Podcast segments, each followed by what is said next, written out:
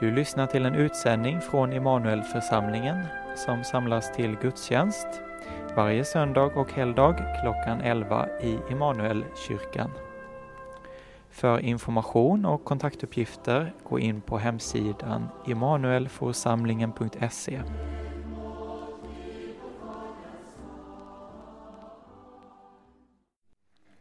O Gud, du som i din outgrundliga vishet har sänt heliga änglar till dina vänners tjänst. Ge oss nåd att med dem strida mot allt ont så att vi med dina änglar får dela evighetens glädje. Genom din son Jesus Kristus, vår Herre, som i dig och den helige Ande lever och regerar i en gudom från evighet till evighet. Amen. Hör Herrens ord på den helige Mikaels dag. Från Gamla testamentet läser vi ur femte Moseboken kapitel 33. Moses sa till Israel Ingen är som Jesurunds Gud, han som far fram på himlen till din hjälp på skyarna i sitt majestät. En tillflykt är han, urtidens Gud, och här nere råder hans eviga armar. Han ska jaga fienderna framför dig och säga förgör dem. Så ska Israel bo i trygghet. Jakobs källa lämnas i fred i ett land med säd och vin under en himmel som dryper av dag. Så lyder Herrens ord. Hör också Herrens ord ifrån Uppenbarelseboken kapitel 12. En strid uppstod i himlen. Mikael och hans änglar gav sig i strid med draken och draken och hans änglar stred. Men han var inte stark nog och det fanns inte längre någon plats för dem i himlen. Och den store draken, den gamle ormen som kallas djävul och Satan, han som bedrar hela världen, kastades ner på jorden och hans änglar kastades ner med honom. Och jag hörde en stark röst i himlen säga Nu har frälsningen och makten och riket blivit vår Guds och väldet hans morde, smordes. Ty, vår bröd, ty våra bröders åklagare har blivit nerkastad, han som dag och natt anklagade dem inför vår Gud. De övervann honom genom Lammets blod och genom sitt vittnesbörds ord. De älskade inte sitt liv så högt att de drog sig undan döden. Jubla därför, ni himlar och ni som bor i dem. Men ve dig, du jord och du hav, ty djävulen har kommit ner till er i stor vrede eftersom han vet att hans tid är kort. Så lyder Herrens ord. Låt oss nu höra dagens heliga evangelium som är hämtat från evangelisten Matteus, 18 kapitlet. Lärjungarna kom fram till Jesus och frågade Vem är störst i himmelriket? Då kallade han till sig ett barn och ställde det mitt ibland dem och sa Amen säger jag er, om ni inte omvänder er och blir som barn kommer ni inte in i himmelriket. Den som ödmjukar sig som detta barn, han är den störste i himmelriket. Och den som tar emot ett sådant barn i mitt namn, han tar emot mig. Men den som förleder en av dessa små som tror på mig, för honom vore det bättre att en kvarnsten hängdes om hans hals och han sänktes i havets djup. Ve över världen som förför. Förförelse måste komma, men ve den människa genom vilken förförelsen kommer. Om din hand eller din fot förleder dig till synd, så hugg av den och kasta den ifrån dig. Det är bättre för dig att gå in i livet stympad eller halt, än att ha båda händerna och fötterna i behåll och kastas i den eviga elden. Och om ditt öga förleder dig till synd, så riv ut det och kasta det ifrån dig. Det är bättre för dig att gå in i livet med ett öga än att ha båda ögonen i behåll och kastas i det brinnande Gehenna. Se till att ni inte föraktar någon enda av dessa små. Jag säger er att deras änglar i himlen alltid ser min himmelske faders ansikte. Så lyder det heliga evangeliet. Lovad vare du Kristus. Vi ska börja med att be. Tack käre Jesus för att vi får lov att komma i ditt underbara namn Vi tackar dig för att vi får lov att mötas för att fira gudstjänst på Änglarnas söndag. Vi ber dig att du välsignar barnen i söndagsskolan, att ditt ord får, får möta dem där. Dessa plantor, dessa eh, dyrbara skatter. Det som vi läste om i texten om, om barnen. Herre, du ser våra, våra kära barn i församlingen. Tackar dig för var och en av dem och ber att du välsignar dem på söndagsskolan och i, i livet och att de ska få vara under ditt beskydd. Jag tack för att de är det. Och nu ber vi dig för predikan det vi, vi ska få stanna upp inför här. Herre, tala till oss. Hjälp oss att få förstå någonting mer. Led oss genom ditt ord i det som vi behöver höra. Herre, du vet hur vi har det. Du vet hur vi mår. Du vet vad vi behöver i smått och stort. Herre, möt oss där vi är med allt ditt goda. Med varning, förmaning, tröst, uppmuntran. Herre, tack för att du är här. Helige Ande, skriv ordet i våra hjärtan. Helige Ande, måla Jesus för oss. Gör våra hjärtan tillgängliga. Håll undan det som binder våra tankar och drar åt fel håll. Vi lämnar detta i dina händer. Amen.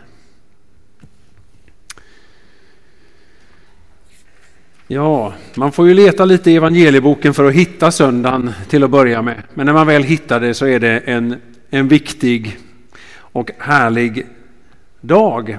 Ett viktigt och spännande tema, detta med änglarna.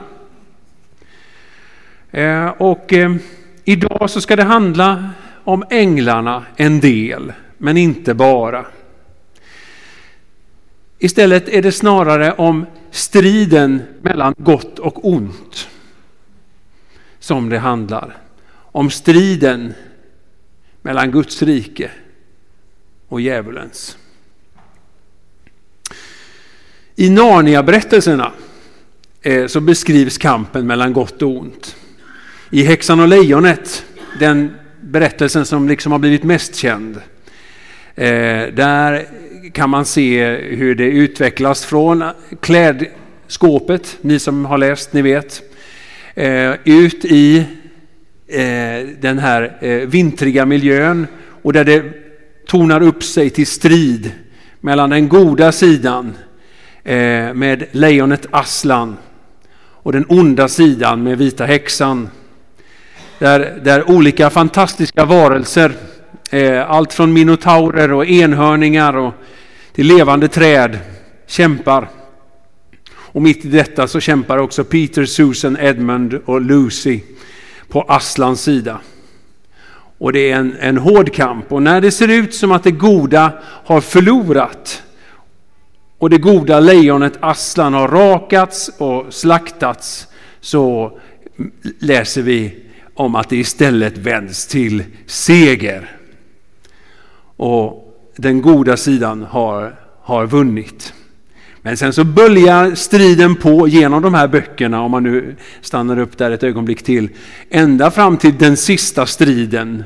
Och det går som en kniv liksom igenom så att det till och med bryter in genom den här syskonskaran. Så att i slutänden så är det inte så att bara för att man tillhör den där familjen så, så går det åt ena eller andra hållet utan det är några som hamnar på den goda sidan och några som inte gör det.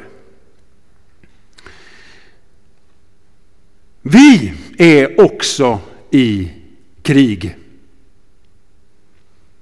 Se er omkring. Titta lite. Det här är deltagare i en strid. Alla vi som sitter här i kyrkan är med i kriget. Och det är om våra själar som det handlar. Vi kan också delta i striden på ena eller andra sidan. Vi är både så att säga objekt för striden. Det är marken som vi antingen kan vinna eller förlora på. Men vi är också deltagare. Svensk neutralitet är inget alternativ här. Antingen så tillhör man dödsblocket eller gudsblocket, om man får lov att säga så. Se ut genom fönstret. Här är Tuve, en del av Göteborg. Här pågår striderna, kvarter för kvarter. Lägenhet för lägenhet, person för person. Jag kan säga att dödsblocket ligger på. Bibeln beskriver att det är en kamp mellan gott och ont. Mellan Gud och hans rike och djävulen och hans rike.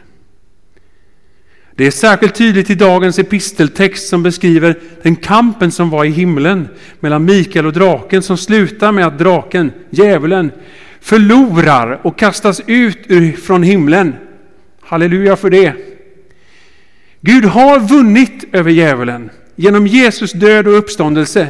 Det gäller sakligt och principiellt och innebär och innebar att hans slutliga besegrande det kommer att, att säga, hända vid tidens slut. Men för dem som inte tror så gäller att de är i den ondes våld. Och för varje kristen finns, så länge vi lever, fortsatt faran för avfall och övergång till djävulens rike. Om vi då går till dagens evangelietext. För ett ögonblick. Vi är kvar, kampen, glöm inte den. För det är, där, det, det är där vi står. Vi ska snart knyta ihop det. Men i dagens evangelietext så, så inleds den med frågan vem som är störst i himmelriket. Jesus besvarar frågan genom att illustrera någonting. Han, gör en, en, han är en god pedagog, så han, han tar fram ett barn och låter sina åhörare se detta. En, vi kan säga en ruskig tankevända för eh, i den tidens tänkande om vad ett barn var. Där var barn bara ovuxna som slavar. Man kunde sälja ett barn som slav. Man ägde, det var liksom... Eh, idag så kan vi prata om det kompetenta barnet. Eh, det gjorde man inte då. Så när Jesus ställer fram ett barn för att beskriva vem som är störst i himmelriket så måste det ha chockat många. Han vänder på de invanda perspektiven. För det är ju så här att Gud, han har räckt ut sin och han räcker ut sin välkomnande hand till varje människa. Det finns frälsning. Det är det som är hans budskap. Det är bara att ta emot. Men det finns bara ett sätt att ta emot det och det är barnets inställning som vet att det inte kan liksom till god, alltså, eh, ge något liknande tillbaka utan bara i tacksamhet ta emot. I vetskap om sin litenhet. Så i den meningen är vi alla som tror barn inför Gud. Vi behöver förstå för att kunna ta emot att vi är som hjälplösa barn som får ta emot. Vi behöver bli som barn, säger Jesus. Eller man kanske också kunde få säga, vi behöver inse vilka barn vi är. Att i förhållande till Gud är vi barn. Vi behöver förstå det. Det är en kristen hållning. Att säga, det är du som måste göra det Jesus. Det är du som måste göra det. Jag kan inte. Storebror Jesus. Vi är inte märkvärdiga. Och då blir det också följdriktigt att tjäna den Gud som gett oss allt.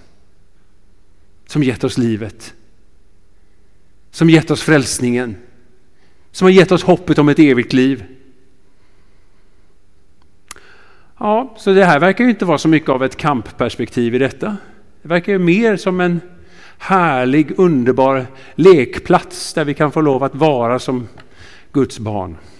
Och i en mening, ja, där är vi, vi är trygga i Guds hand. Men det är också så att dagens text visar på den fruktansvärda kamp som detta är insatt i. Det finns två sidor. Å ena sidan, den goda sidan, de som blivit som barn. Och det här handlar då om både barn och vuxna inför Gud. Och å den andra sidan, de som inte har blivit som barn, som inte har ödmjukat sig inför Gud, som lever förförda, som lever i förförelsen och inte nog med det, utan är med att driva förförelsen framåt, att förföra. De har valt fel sida och de spelar inte med i änglarnas lag. De kommer att förlora stort. Och straffdomen hänger i luften. Mina vänner, det pågår en kamp mellan gott och ont. Vi blir idag påminda om att förförelsen är så allvarlig. Jesus talar om att det som förleder, det som förför, handen, foten eller ögat, det som förleder, det ska inte få ha plats hos oss. Oavsett vad det är. Beskrivet som hand, fot, öga. Ibland handlar det om så konkreta saker som det vi tar med våra händer, dit vi går med våra fötter, där våra ögon får lov att vara och se. Varför är det så farligt? Därför att det handlar om var vi ska tillbringa vår evighet i slutändan. Och att förföra, att delta i förförelsen är så allvarligt gentemot Guds barn. Då deltar vi i kriget på fiendesidan. Då är vi kollaboratörer.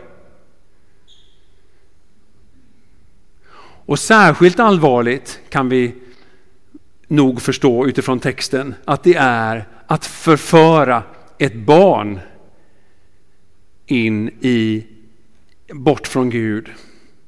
Barn som växer upp, som håller på att formas till vuxna individer.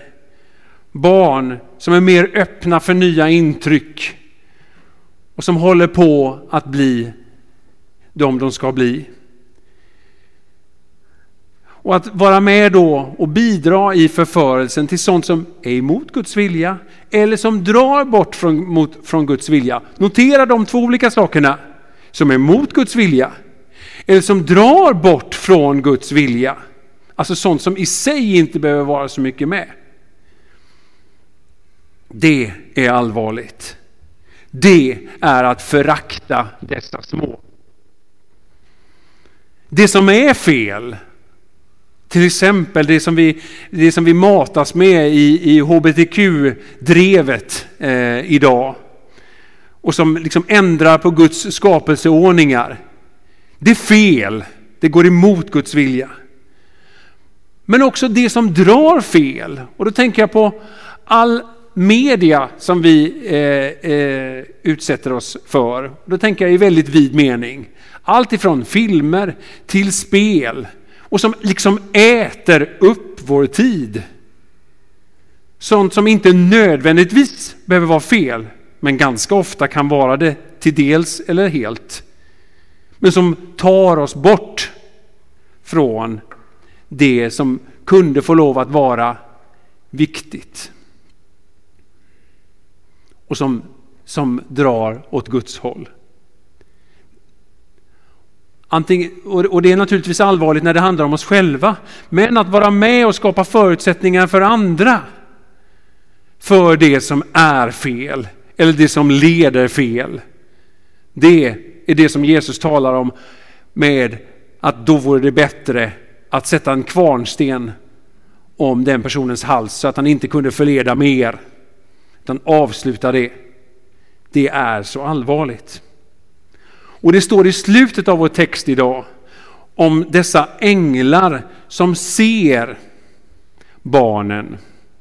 Som kanske handlar om, om, om barn, små barn. Och som står inför Guds ansikte och som ser barnen. Dessa barn, de står under bevakning.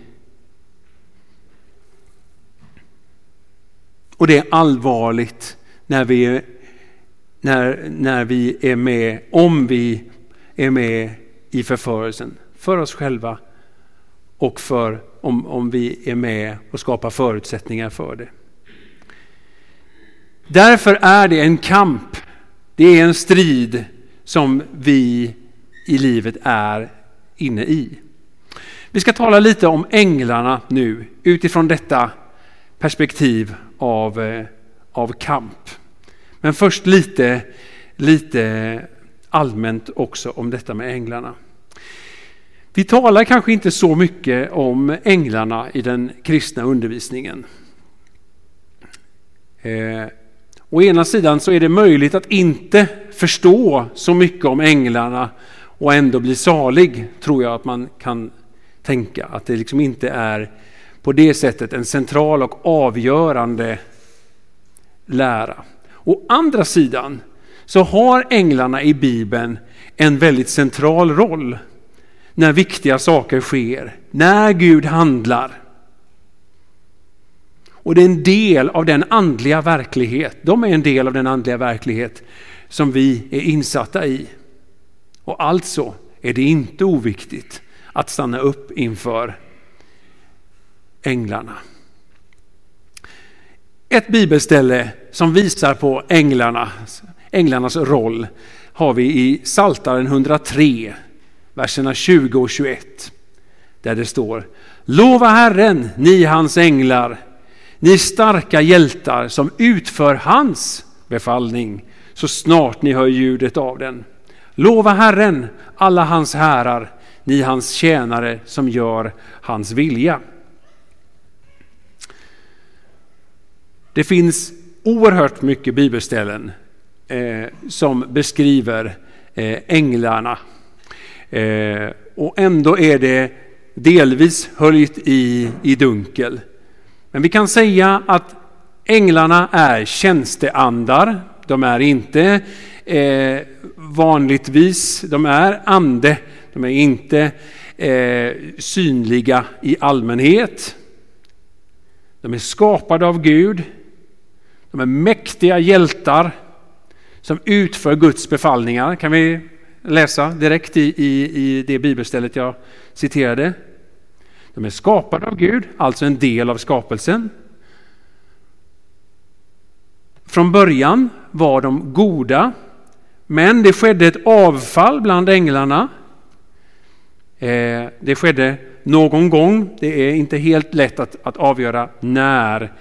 Eh, men det skedde ett avfall och, och när vi läser eh, episteltexten idag eh, så, så ser vi att det skedde ett utkastande från himlen.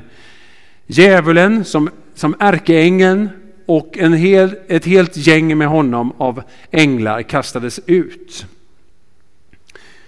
Men det är inte ett pågående avfall. Det är liksom inte så att det idag pågår en strid om änglar vad vi kan förstå av Bibeln, utan det skedde en gång och är inte pågående. Änglarna är alltså andliga varelser, eh, inte bundna av rumsliga begränsningar som dörrar och väggar. Men inte allestädes närvarande, det är Gud som är det. De är starka hjältar, vi skulle kunna säga superhjältar för att göra en analogi till, till, till eh, sånt som vi känner, känner till i berättelser. Mäktiga, verkligen, men inte allsmäktiga. det är Gud. Så det är Gud som ska tillbes. För änglarna är, går på hans uppdrag och gör hans vilja. Det är han som ska tillbes. Men änglarna har en, en, egen, en egen vilja. Vi förstår också att änglarna har, har känslor. De gläds över Guds rikes framgångar och sörjer eh, tillbakagångar när, när människor går bort från Gud. Bibeln talar om olika änglar. Det finns eh, ärkeänglar och keruber och överänglar och änglar. Vissa namngivna, som, såsom Gabriel eller i dagens epistel Mikael, men de flesta har, har inte ett namn. Ofta används också i Bibeln uttrycket Herrens ängel. Och, och, Jag tänker att det är också viktigt att just stryka under att det handlar om, för så vitt det inte är en ond ängel, att det är Herrens ängel. Att änglarna arbetar inte i egen firma, utan för Herren Gud. Och ibland om vi läser i, till exempel i Gamla Testamentet eh, så framställs det nästan som att det är Gud som uppenbarar sig genom ängeln. När Abraham mötte änglar eller när Jakob brottas med en ängel som han sedan talar om som att han har sett Gud ansikte mot ansikte. Vi ska säga någonting också om änglarnas, eh, de, de goda änglarnas eh, funktion Eh, Jakob lyfter fram det eh, också på, på ett gott sätt i, i beredelseordet. Men låt mig bara få lov att lyfta fram ett par stycken perspektiv. Vi läser om änglar i Bibeln som Guds omsorgs uträckta hand. Till exempel i, i dagens eh, gammaltestamentliga text där det står om, om, om Guds omsorgs hand. En tillflykt är han, urtidens Gud. Och här nere råder hans eviga armar. Och vi tänker om de armarna, att de, eh, den omsorgen, vi vet inte om det alltid är i form av änglar. Eh, det, det, det, säger inte Bibeln att det är så, men vi får tänka att det många gånger är så att hans omsorg manifesteras i änglars olika utsändande och agerande i olika situationer. Eh, det finns oerhört många exempel att lyfta fram från Bibeln. Vi kan lyfta fram till exempel när Elia eh, är, är ute i ett torkans land och, och eh, en ängel kommer till honom och, och, och påminner honom stig upp och ät för annars blir vägen för lång för dig. Och det är Gud som sänder ängeln, Gud som genom en ängel säger detta och, och som, som, bevisar omsorg. Och många, många sådana exempel på Guds omsorg, Guds beskydd. Och det finns också många eh, exempel från den kristna erfarenheten av Guds änglar som har kommit till skydd och omsorg. Vill man fördjupa sig så skulle man till exempel kunna läsa om Kina-missionären Hudson Taylor hur han eh, vid, vid eh, flera tillfällen eh, var eh, skyddad av änglar på ett sådant sätt att de som eh, tillhörde hans antagonister såg att han var inte ensam utan han var omgiven av, av, eh, av eh, beskydd av starka hjältar. Och så. Och det är uppmuntrande eh, när vi får lov att, att eh, höra och kanske själva någon gång se sådant. Men oavsett vad vi ser, de är i aktion för att, att uttrycka och, och vara Guds omsorgs uträckta hand. Men de är starka hjältar utsända till alla Guds olika uppdrag, också det som handlar om Guds straffdom. De, de, eh, det står om mordängeln i Egypten. De kan också vara utsända för det som, som handlar om, om straffdom. Och den tredje, det tredje perspektivet är av att vara Guds megafon, av att tala ut. När Hagar har blivit, eh, fått fly ut i, i öknen och hon får höra eh, Guds ängel säga, hur är det Hagar? Rätt från, rätt från himlen. Det är Herrens ängel som säger det. Eller kanske det allra mest kända änglatilltalet till jungfru Maria. När Gud genom ängeln Gabriel säger du ska bli havande, du ska bli gravid och föda en son. Och Det fjärde som jag vill trycka på är också att det är en, en, eh, en, en gudstjänstfirande skara av änglar som, som har det som på något sätt sin, sin stadiga position av att stå i, i gudstjänst, i lovsång inför, inför Gud. Eh, och den lovsångskören kan det till och med glimta till här på jorden. När, när Jesus eh, var född i Betlehem till exempel, det, och det var en, en stor eh, änglakör. Så de är också med och, och bidrar i, i äran och lovet och tacket till Gud. Inte bara, inte bara eh, som, som verktyg utan för att de är eh, tacksamma, de vill ära. Och änglar, de finns idag också. Och som jag sa innan, det finns många exempel på, eh, på ängla, änglaingripanden och som vi kan få lov att uppmuntra varandra med. Bibeln går inte att förstå på annat sätt än att änglarna finns också, eh, finns också idag. Vi ska också säga någonting om de onda änglarna. För det som jag sa innan, det har ju skett ett avfall eh, och djävulen och hans änglar tillhör hans rike. Och säga någonting om det. De är dömda. De är dömda eh, till helvetet. De är dömda till, till att aldrig få komma i närheten av, av, av himmelens glädje. Och alltså har de ingenting att förlora. Ingen anledning att spara på krutet. De arbetar medvetet och hängivet och all deras aktivitet under den tid som finns kvar tills Jesus kommer tillbaka syftar till att rycka så många som möjligt med sig till helvetet. Och de är, de är skickliga och de gör det på heltid. För om vi nu har konstaterat att änglarna, de goda änglarna, är mäktiga hjältar så gäller analogt till de onda änglarna att det också är mäktiga väsen. Vi läser till exempel i Efesierbrevet 6.12. Vi kämpar inte mot kött och blod utan mot furstarna, mot makterna, mot världshärskarna här i mörkret och mot ondskans andemakter i himlarymderna. Jag beskriver denna förfärliga sida där vi är insatta i den kampen.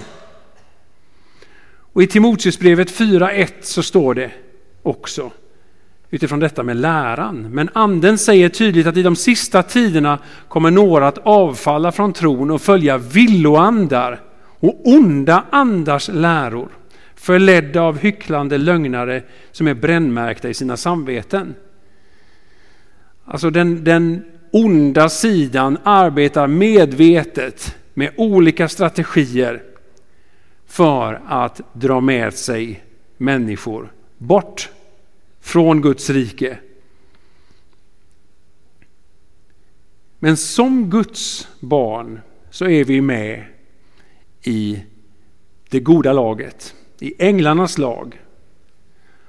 Så någonting nu till sist. Ni, ja, ni har varit duktiga på att lyssna. Orkar ni en liten stund till? Mm. Någonting om den här striden som vi nu står i då. Vi behöver vara rustade i den här striden.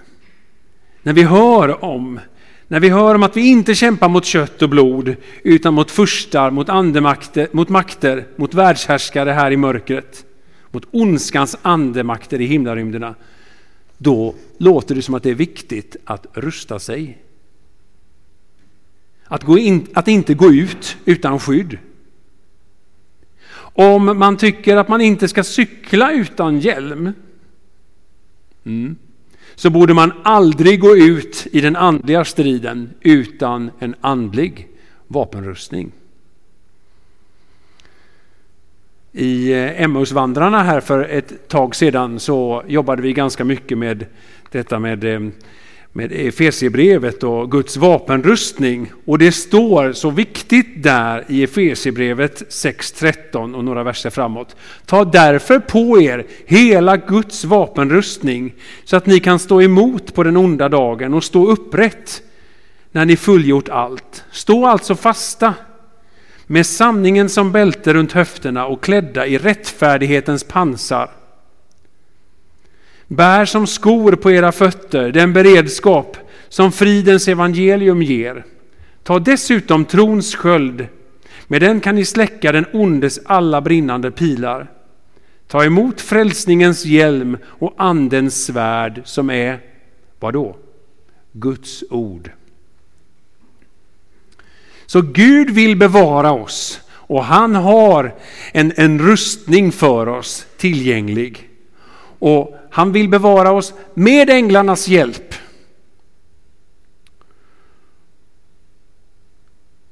Och ibland så får vi se eller höra om, om mäktiga ingripanden. Men egentligen är det ett ännu större under när vi utan att se några, några särskilda tecken eller under kan få bli bevarade, stå i tro på Gud. Eh, och lita på hans fulla omsorg om oss. Men risken är ju, när vi hör om det här som vi pratade om innan med de onda änglarna och, och djävulen som deras furste, att vi blir rädda och missmodiga i det här. Men vi har stöd för att tro att Gud ska bevara oss igenom när vi håller oss till honom. För det är inte så att det är en jämn kamp. Gud är den starkaste. Det står till exempel i Romarbrevet 8, 38 och 39. För jag är viss om att varken död eller liv, varken änglar eller furstar, varken något som nu är eller något som ska komma, varken makter, höjd eller djup eller något annat skapat ska kunna skilja oss från Guds kärlek i Kristus Jesus vår Herre. Visst är det härligt att få bli påmind om?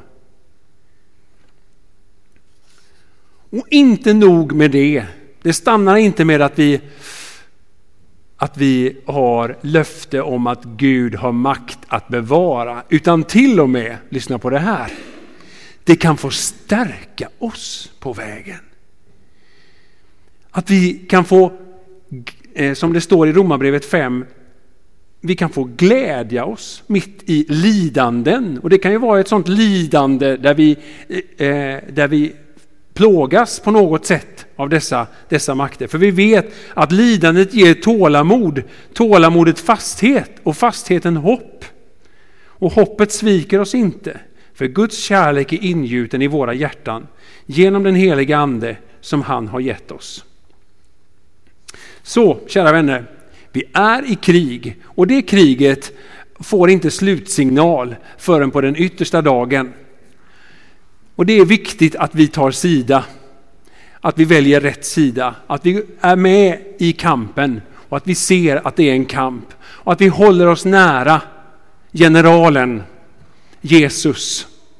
För då är vi på, på den säkra sidan. Och att vi inte tror att vi klarar det här på egen hand. I Jesu namn, Amen.